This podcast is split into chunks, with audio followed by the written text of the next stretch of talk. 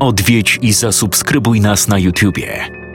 Bądź na bieżąco z nowymi filmami i słuchaj jeszcze więcej mrocznych historii. Mystery TV Więcej niż strach.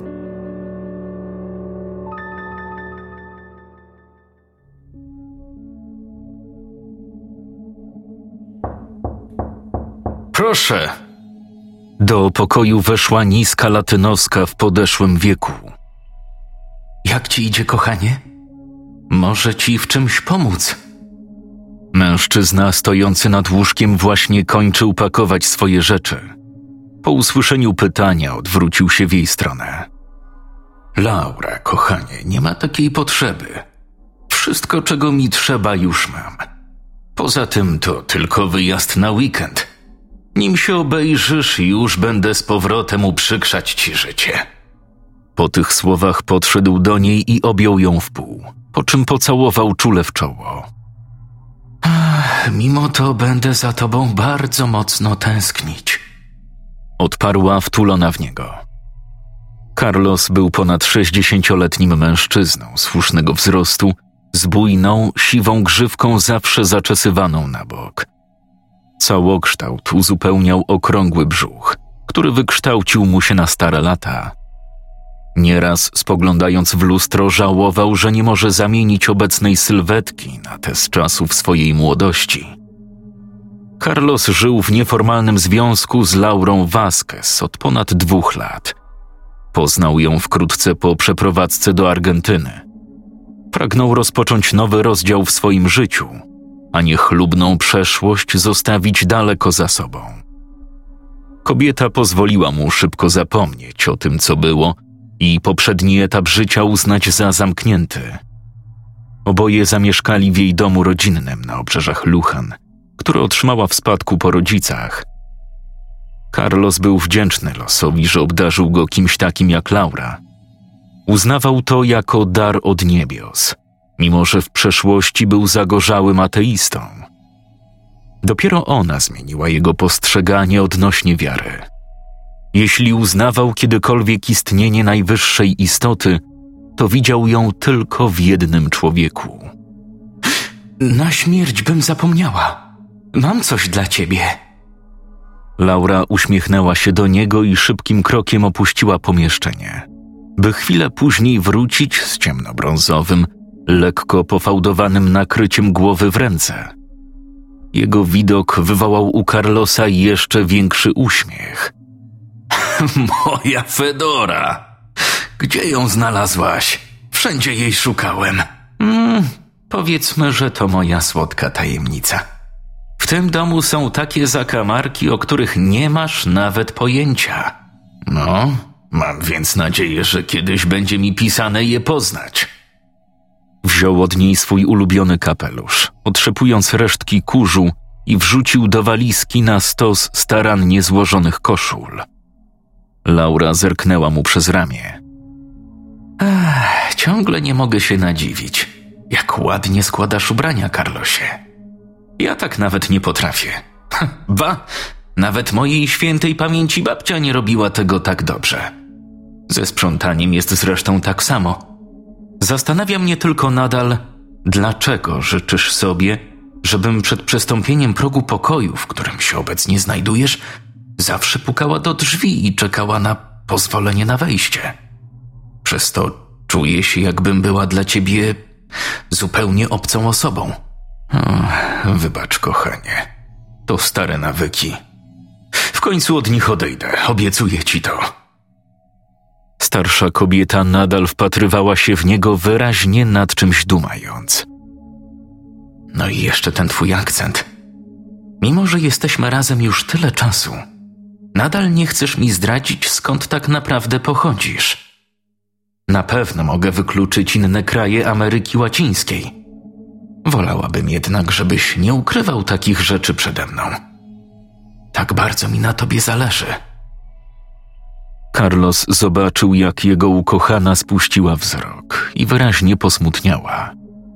Nie zastanawiając się długo, podszedł do niej i pogładził jej odsłonięte ramiona. Po czym przy użyciu palca wskazującego oraz kciuka Uniósł jej głowę i spojrzał głęboko w oczy, które szkliły się od napływających łez. Proszę, nie smuć się, kochanie. Po prostu. Po prostu potrzebuję na to trochę więcej czasu. Widząc, że wyraz jej twarzy się zmienia, kontynuował. Albo wiesz co? Sumie masz rację. Nie powinniśmy mieć przed sobą tajemnic. Opowiem ci o tym po moim powrocie, dobrze? Wino? Mm, słucham. Czy zdradzisz mi to przy butelce wina?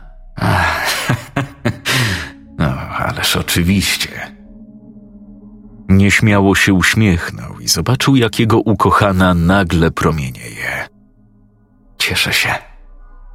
Naprawdę cieszę się, że masz zamiar podzielić się ze mną swoimi sekretami. Jest to dla mnie naprawdę bardzo ważne. Skoro nie potrzebujesz pomocy przy pakowaniu, to nie będę ci przeszkadzać. Zamiast tego wybiorę się do miasteczka na zakupy. Ty też niedługo wyjeżdżasz, więc życzę ci bezpiecznej podróży i odezwij się proszę w miarę możliwości.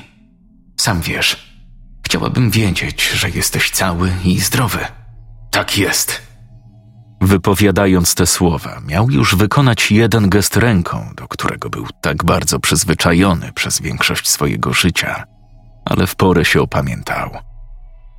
Laura już miała opuścić sypialnię, ale niespodziewanie zatrzymała się tuż przed wyjściem z pokoju. Opowiesz mi też o tych swoich znajomych, z którymi spotkasz się w ten weekend w Paryżu? Słysząc te słowa, nerwowo przygryzł wargę, ale doskonale zdawał sobie sprawę, że jeżeli nie chce jej stracić, to ma tylko jedno wyjście. Cokolwiek sobie życzysz, moja pani. Bardzo mnie to cieszy. Kocham cię. Odparła i tym razem wyszła z sypialni. Po jakimś czasie Carlos podszedł do okna i odsłonił firankę. Tak jak się spodziewał, zobaczył Laurę jadącą na rowerze w kierunku miasteczka z zawieszonym na kierownicy wiklinowym koszykiem. Kiedy stracił ją z pola widzenia, podszedł do łóżka i uniósł materac, spod którego wyciągnął grubą teczkę. Plik z dokumentami wrzucił do walizki obok Fedory, po czym ją zamknął. Cieszę się, że podzielisz się ze mną swoimi sekretami. Te słowa nieustannie rozbrzmiewały w jego głowie. Gdyby tak tylko mógł po prostu krzyknąć stop i wszystko zostałoby tak, jak było dotychczas. Nie miał jednak najmniejszych wątpliwości, że ta chwila prędzej czy później nadejdzie i będzie musiał się przed nią otworzyć. Bardzo kochał tę kobietę i nie chciał jej stracić za żadne skarby świata. Na pewno znajdzie jakieś wyjście z tej sytuacji. Już nie z takich opresji wychodził. Każdy problem można bowiem rozwiązać. Tego uczyli go całe życie. Jednego był pewny: nie zamierzał kłamywać ukochanej. Z drugiej strony, kto tutaj mówi o kłamstwie? Za to prawdę można zawsze mocno naciągnąć. Trzy godziny później wyszedł z domu. Słońce widniało wysoko na nieboskłonie i muskało go swoimi promieniami. To był piękny letni dzień 1960 roku. Ruszył powoli żwirową dróżką w stronę miasteczka. Miał nadzieję złapać jakiś autobus do Buenos Aires. Zerknął na zegarek. Nie było pośpiechu. Do wylotu pozostało mu jeszcze sporo czasu. W pewnym momencie przerwał marsz. Ogarnęło go dziwne uczucie, którego nie potrafił do końca określić. Odnosił dziwne wrażenie, że coś jest nie tak, że zaraz wydarzy się coś niedobrego. Ku swojemu zaskoczeniu zauważył, że jego ręka mimowolnie zaciska się coraz mocniej na uchwycie od walizki. Wewnętrzny instynkt nakazał zerknąć mu w stronę zagajnika, który rozciągał się tuż obok. Wlepił wzrok w ciemność zalegającą pobliski las. Spodziewał się zobaczyć lub usłyszeć cokolwiek, jakiś ruch – bądź odgłos łamanych gałęzi, co tylko potwierdzałoby jego obawy. Odpowiedziało mu jedynie ćwierkanie ptaków. Końcu odgonił od siebie wszystkie te myśli, kontynuował dalej swoją wędrówkę. Po drodze zaczął sobie wesoło pogwizdywać. Tak, to był piękny letni dzień 1960 roku. Chwilę później z mroku zagajnika wyłoniła się postać w ciemnych okularach. Był to również starszy mężczyzna. Na jego głowie spoczywał ciemny kapelusz z szerokim rondem. Kiedy upewnił się, że cel jest na tyle daleko, aby ten go nie dostrzegł, ruszył w ślad za nim. Podobnie jak wcześniej, podążył tropem jadącej do miasteczka Laury. Kiedy Carlos w końcu znalazł się na pokładzie samolotu, pierwsze o czym marzył zaraz po ulokowaniu bagażu był porządny sen. Czekało go ponad pół doby podróży, a przez sprawy organizacyjne związane z pakowaniem musiał być od rana na nogach. Po wrzuceniu walizki na półkę ponad siedzeniami, rozsiadł się wygodnie w swoim miejscu przy oknie. Zerknął przez nie i zobaczył kilka innych samolotów, które również szykowały się do startu. Pogrążony w rozmyślaniach mężczyzna nie zauważył nawet ostatniego pasażera, który wszedł na pokład tuż przed samym wylotem. Tamten upchnął swoją skórzaną torbę do schowka i szybko zajął miejsce w ostatnim rzędzie. Stewardesa przeszła się korytarzem pomiędzy siedzeniami, upewniając się, że wszyscy mają zapięte pasy. Niedługo potem samolot wystartował, zostawiając płytę lotniska daleko za sobą. Kiedy maszyna osiągała coraz to wyższy pułap, Carlos nieco się odprężył. Zmęczenie zaczęło brać nad nim górę, aż w końcu zapadł w błogi sen. Natomiast nieznajomy z ostatniego rzędu ani na chwilę nie zmrużył oka. Przez całą podróż obserwował siedzenie, na którym odpoczywał Carlos. Proszę pana, halo, pobudka. Stewardesa próbowała obudzić starszego mężczyznę. Ten dopiero po jakimś czasie otworzył oczy i zamrugał kilkukrotnie, widząc nad sobą smukłą, młodą dziewczynę. Ach, przepraszam, jesteśmy już na miejscu? Tak, i to już jakieś dobre pół godziny. Reszta załogi zdążyła już opuścić pokład samolotu. Ma pan bardzo twardy sen. Ach, pani wybaczy. Na stare lata potrafię spać jak zabity. już zabieram swoje manatki i uciekam stąd. Tych słowach Carlos zerwał się z fotela. W jego plecach nagle odezwało się kilkanaście godzin lotu spędzonych w jednej pozycji. Rozmasował okolice krzyża, a kiedy doszedł do siebie, sięgnął po walizkę i udał się w stronę paryskiego lotniska. Kiedy dotarł do terminalu pasażerskiego, zobaczył, że ta część budynku jest zupełnie opustoszała. Usiadł na jednym z krzeseł, decydując się na chwilowy odpoczynek. Przez te kilka minut przewinęło się może paru ludzi. W pewnym momencie Carlos poczuł rosnącą potrzebę skorzystania z toalety. Ta na szczęście była niedaleko. Rozejrzał się, czy nikogo nie ma w pobliżu i wsunął walizkę pod siedzenie, po czym udał się za potrzebą. Po powrocie usiadł na to samo miejsce, odczuwając wyraźną ulgę. W tym samym czasie usłyszał cichnące kroki dochodzące z za rogu. Zerknął w tamtą stronę, ale po chwili kompletnie to zignorował. Sięgnął po walizkę umieszczoną pod krzesłem i wymacał ją w poszukiwaniu uchwytu, po czym dźwignął ją na kolana. Klamra z jednej strony była niedomknięta. Carlos nie przypominał sobie, aby po drodze otwierał swój bagaż – a przed samym wyjściem z domu wiele razy upewniał się, że jest dokładnie zabezpieczony. Kierując się czystą ciekawością, zdecydował się zajrzeć do środka, a wtedy. Pierwszą reakcją na to, co zobaczył, było wyrzucenie walizki przed siebie, zupełnie jakby w ręce trzymał coś, co za chwilę miałoby eksplodować. Następnie pochylił się nad zawartością i drżącą dłonią wyjął zakrwawiony materiał. Była to sukienka w niebieskie paski, którą doskonale znał. Pod nią leżało coś jeszcze. Po tym widoku zakrył usta ręką, próbując zdusić w sobie krzyk przerażenia, a z oczu mimowolnie popłynęły mu łzy. Była to mała, plastikowa torebka, w której znajdował się kobiecy palec przyozdobiony w złoty pierścionek. Ta część biżuterii też nie była mu kompletnie obca. W końcu kupił go dla niej, z okazji ostatnich urodzin. Kolejną rzeczą, która przykuła jego uwagę, była fedora. Za jej paskiem znajdował się zwinięty kawałek papieru. Nie zastanawiając się długo, wyjął go i otworzył. Szok, jakiego doznał w wyniku tego odkrycia, spowodował, że musiał kilkukrotnie przeczytać treść liściku. Była napisana w jego rodowitym języku. Pamiętasz jeszcze piękną spuściznę, przyjacielu?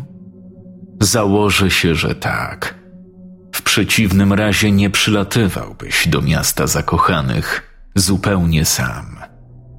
Spotkajmy się tam o północy, jeśli chcesz jeszcze zobaczyć swoją ukochaną, żywą. Ściskał mocno kartkę z wiadomością, wpatrując się w nią jak zahipnotyzowany.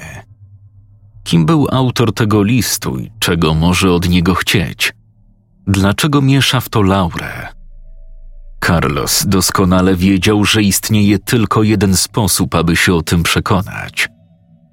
Nagle przypomniał sobie o czymś jeszcze i zaczął gorączkowo grzebać w swojej walizce. W końcu jednak dał za wygraną. Po jego teczce nie było ani śladu.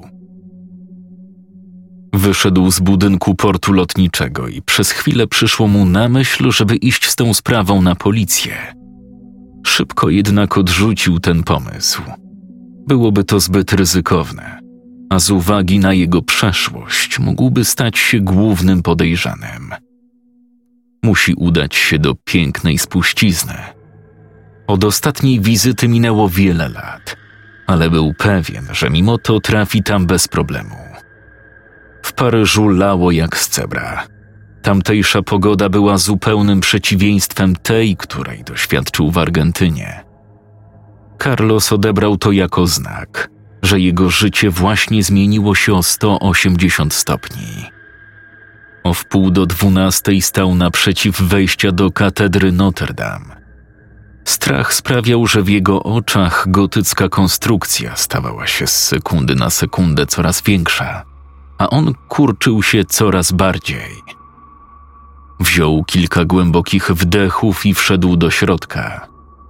Wewnątrz nikogo nie było przerażającą ciszę tam panującą przerywało tylko głośne bębnienie deszczu o witraże. Podszedł bliżej ołtarza przedstawiającego Maryję z Jezusem, upewniając się raz jeszcze, że nikogo nie ma w pobliżu. Wsunął dłoń w szczelinę pomiędzy rzeźbami w poszukiwaniu znajomej zapadki. Kiedy na nią natrafił, ołtarz zatrząsł się i zaczął przesuwać do tyłu odsłaniając wielką dziurę w ziemi. Poniżej panowały egipskie ciemności, do których prowadziły strome schody. Carlos włączył latarkę i zaczął schodzić w dół. Po zejściu do katakumb mężczyzna skierował promień światła przed siebie. Rozciągała się przed nim cała sieć korytarzy. Na szczęście doskonale pamiętał drogę do umówionego miejsca spotkania. Trzy razy skręcić w lewo, dwa w prawo. Następnie należało odnaleźć włas w posadzce i zejść po drabince. Po dwudziestu minutach, podążając wyznaczonym przez siebie szlakiem, wszedł do sporego pomieszczenia. Po bokach zawieszone były flagi III Rzeszy Niemieckiej, a na samym końcu obraz przedstawiający dumnie stojącego Hitlera. Po chwili snop światła rzucanego przez latarkę uchwycił coś jeszcze. Na samym środku stał skórzany fotel – Bardzo podobne można było znaleźć w gabinetach stomatologicznych. Carlos podszedł do niego bliżej, a w tym samym czasie z ciemnego kąta za jego plecami wyłoniła się postać, która powoli ruszyła w jego stronę. Do fotela przytwierdzone były liczne pasy krępujące, a do zagłówka przykręcona dziwna metalowa konstrukcja. Mężczyzna na początku nie wiedział za bardzo, do czego ona może służyć. Kiedy jednak w końcu dotarło do niego, jakie ma ona zastosowanie, usłyszał za plecami serię kroków. Nim zdążył się obrócić, poczuł silne uderzenie w potylicę, po czym upadł, tracąc przytomność. Po jakimś czasie Carlos ocknął się w pozycji półleżącej, przytwierdzony pasami do fotela, który wcześniej przykuł jego uwagę. Głowę natomiast oplatała konstrukcja wykonana ze stali nierdzewnej, uniemożliwiając wykonanie najmniejszego ruchu. Przed mężczyzną stała postać ubrana w długi, wojskowy płaszcz SS. Osobnik miał na sobie maskę gazową, która tylko podkreślała jego diaboliczny wygląd. Na jego widok Carlos zaczął się desperacko wiercić. Na twoim miejscu odpuściłbym sobie. I tak nie uda ci się oswobodzić. Zaczął nieznajomy. W rękach trzymał paszport uwięzionego mężczyzny, który powoli kartkował. Z zamaski dało się słyszeć cichy chichot. Carlos Santin? to chyba nie jest twoje prawdziwe nazwisko. Nieprawdaż, oficerze Klausie Niemant? Usłyszawszy to nazwisko, Carlos wyraźniej pobladł, a oczy niemal wyszły mu z orbit. Dziwi mnie tylko, że nie przyjąłeś nazwiska swojej ukochanej. Ha, no tak. Ślub wiązałby się z tym, że pojawiłoby się dużo pytań na temat twojej przeszłości. Czego ode mnie chcesz? Gdzie jest Laura? Co jej zrobiłeś? To, co jej zrobiłem, jest nieistotne. Ważne jest, co tobie uczynię konfidencie. Swoją drogą ładnie śpiewałeś na procesie norymberskim. Ilu z nas w końcu wsypałeś, że dali ci tylko dziesięć lat więzienia? Hm? Nieznajomy podszedł bliżej do skrępowanego mężczyzny. Chwycił go za brodę, ściskając mocno niczym imadło. Gadaj, szczurze. Ja. Ja. Robiłem wszystko, żeby nie dostać czapy jak inni i jakoś dalej żyć. To wszystko, ty potworze! Oprawca w końcu puścił swoją ofiarę, a ta zaczęła ruszać obolałą szczęką. Jesteś żałosny. Przynosisz hańbę narodowi aryjskiemu, za który nasz Führer dumnie umarł. Wiedziałem, że ty i reszta kapusiów w końcu się tu pojawicie. Śledziłem zarówno ciebie, jak i twoją korespondencję z całą zgrają tych niewdzięcznych psów, śmiących kiedyś nazywać się dumą narodu niemieckiego. Z zapłaszcza wyjął grubą teczkę i pomachał nią przed oczami Klausa. To chciałeś z nimi ukryć?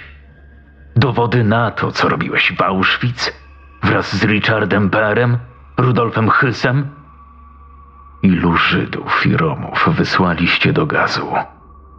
A te wszystkie tortury i znęcanie się nad więźniami obozu? Nie wspominając już o eksperymentach medycznych, które zleciłeś. I to ja jestem potworem? Jak już, to siedzimy w tym razem. Kim? Kim ty jesteś? Moją pasją zawsze była chirurgia eksperymentalna. Możesz więc nazywać mnie doktorkiem. A więc, doktorku, masz rację.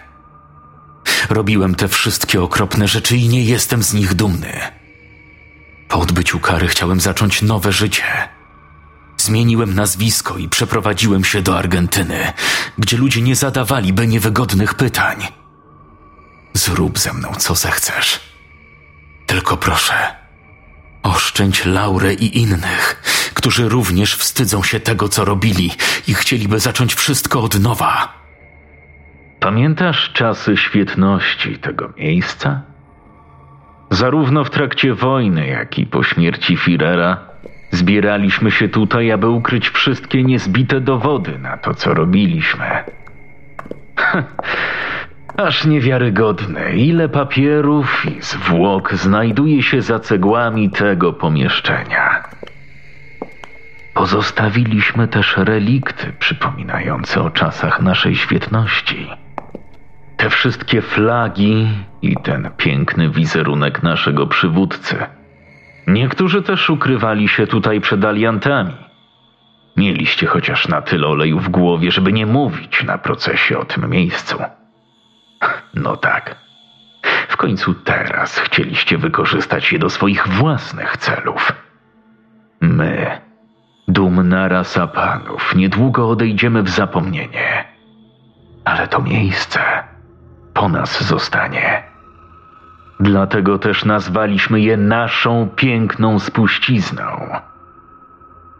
Doktorek otworzył skórzaną torbę leżącą obok i wyjął sporych gabarytów ręczną wiertarkę, po czym podszedł bliżej do uwięzionego mężczyzny. Wiesz co, oficerze Niemant? Żałuję, że tak to się kończy. Tak dobrze razem nam się pracowało w Auschwitz. Pamiętasz, jak na moją prośbę o natychmiastową eksterminację chorych na tyfus Romów przystałeś bez żadnych sprzeciwów? Też uznałeś, że jako rasa gorsza nie zasługują na to, żeby żyć. Przykro mi też, że wraz z resztą tych dokumentów chciałeś się pozbyć naszego wspólnego zdjęcia. To taka wyjątkowa pamiątka.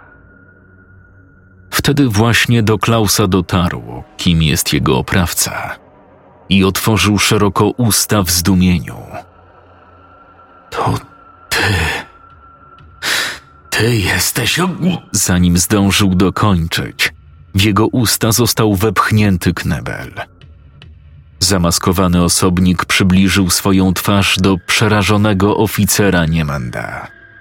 Zabiłem tę twoją brudną sukę. To samo uczynię z tobą i resztą gagatków, z którymi miałeś się spotkać. Różnica polega na tym, że to tobie sprawię największe cierpienie. Doktorek ułożył wiertło nad okiem swojej ofiary. Po kilku sekundach zatopiło się w gałce, a przywiązany mężczyzna zaczął wrzeszczeć z bólu. Nie było żadnej szansy, aby ktokolwiek usłyszał jego stłumiony krzyk, ograniczony ścianami podziemnego pomieszczenia, który dodatkowo zagłuszał intensywnie padający deszcz.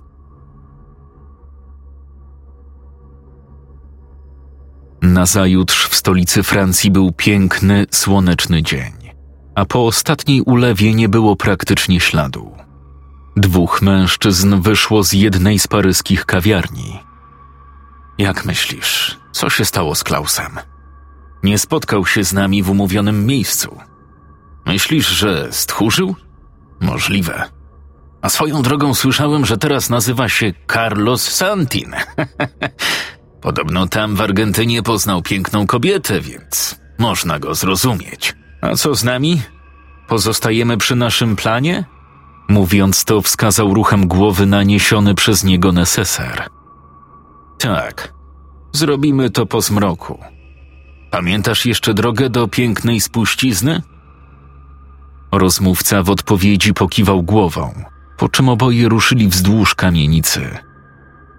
Przy jednym ze stolików na zewnątrz siedział mężczyzna, który słyszał całą ich rozmowę. Miał na sobie ciemne okulary i czarny kapelusz z szerokim rondem. Dopił resztkę kawy i podążył ich tropem, zabierając ze sobą skórzaną torbę. W pewnym gabinecie, gdzieś w samym sercu Argentyny, siedziała postać, której twarz spowita była panującym w środku mrokiem. Jedyny jasny punkt stanowił żar palonego przez nią cygara. Osobnik otworzył teczkę swojej niedawnej ofiary, oficera Klausa Niemanda. Poza obciążającymi go dowodami znajdowały się liczne zdjęcia przedstawiające Carlosa Klausa, prezentującego się w mundurze Wehrmachtu. Jedna z fotografii przykuła uwagę tajemniczego nieznajomego. Była wykonana jeszcze w obozie w Auschwitz i znajdowali się na niej oficerowie Ber, Hess, Niemand oraz mężczyzna ubrany w lekarski kitel ze skórzaną torbą w ręku. Patrząc na to zdjęcie, tylko szeroko się uśmiechnął. Co prawda, czasy III Rzeszy minęły bezpowrotnie, ale on nadal pozostanie jej wierny. Kiedyś w obozie pełnił funkcję lekarza i był autorem licznych eksperymentów dokonywanych na więźniach. Dorobił się nawet przezwiska Todes Engel, czyli Anioł Śmierci. Na dniach wyruszy do Brazylii uporać się z innymi wojskowymi, którzy według jego oceny również dopuścili się zdrady. Na chwilę zawiesił wzrok na gablocie znajdującej się po przeciwnej stronie pomieszczenia. Zgasił cygaro, po czym wstał i ruszył w jego kierunku. Za szybą znajdowały się zawieszone długi wojskowy płaszcz SS oraz maska gazowa. Po kilku sekundach wpatrywania się w zawartość gabloty, domknął jej lekko uchylone drzwiczki. Od autora Carlos Santin, Klaus Niemand oraz Laura Vasquez to postacie wymyślone na potrzeby opowiadania. Reszta nazwisk jest autentyczna. Scenariusz Michał Lubocki czytał Jakub Rutka.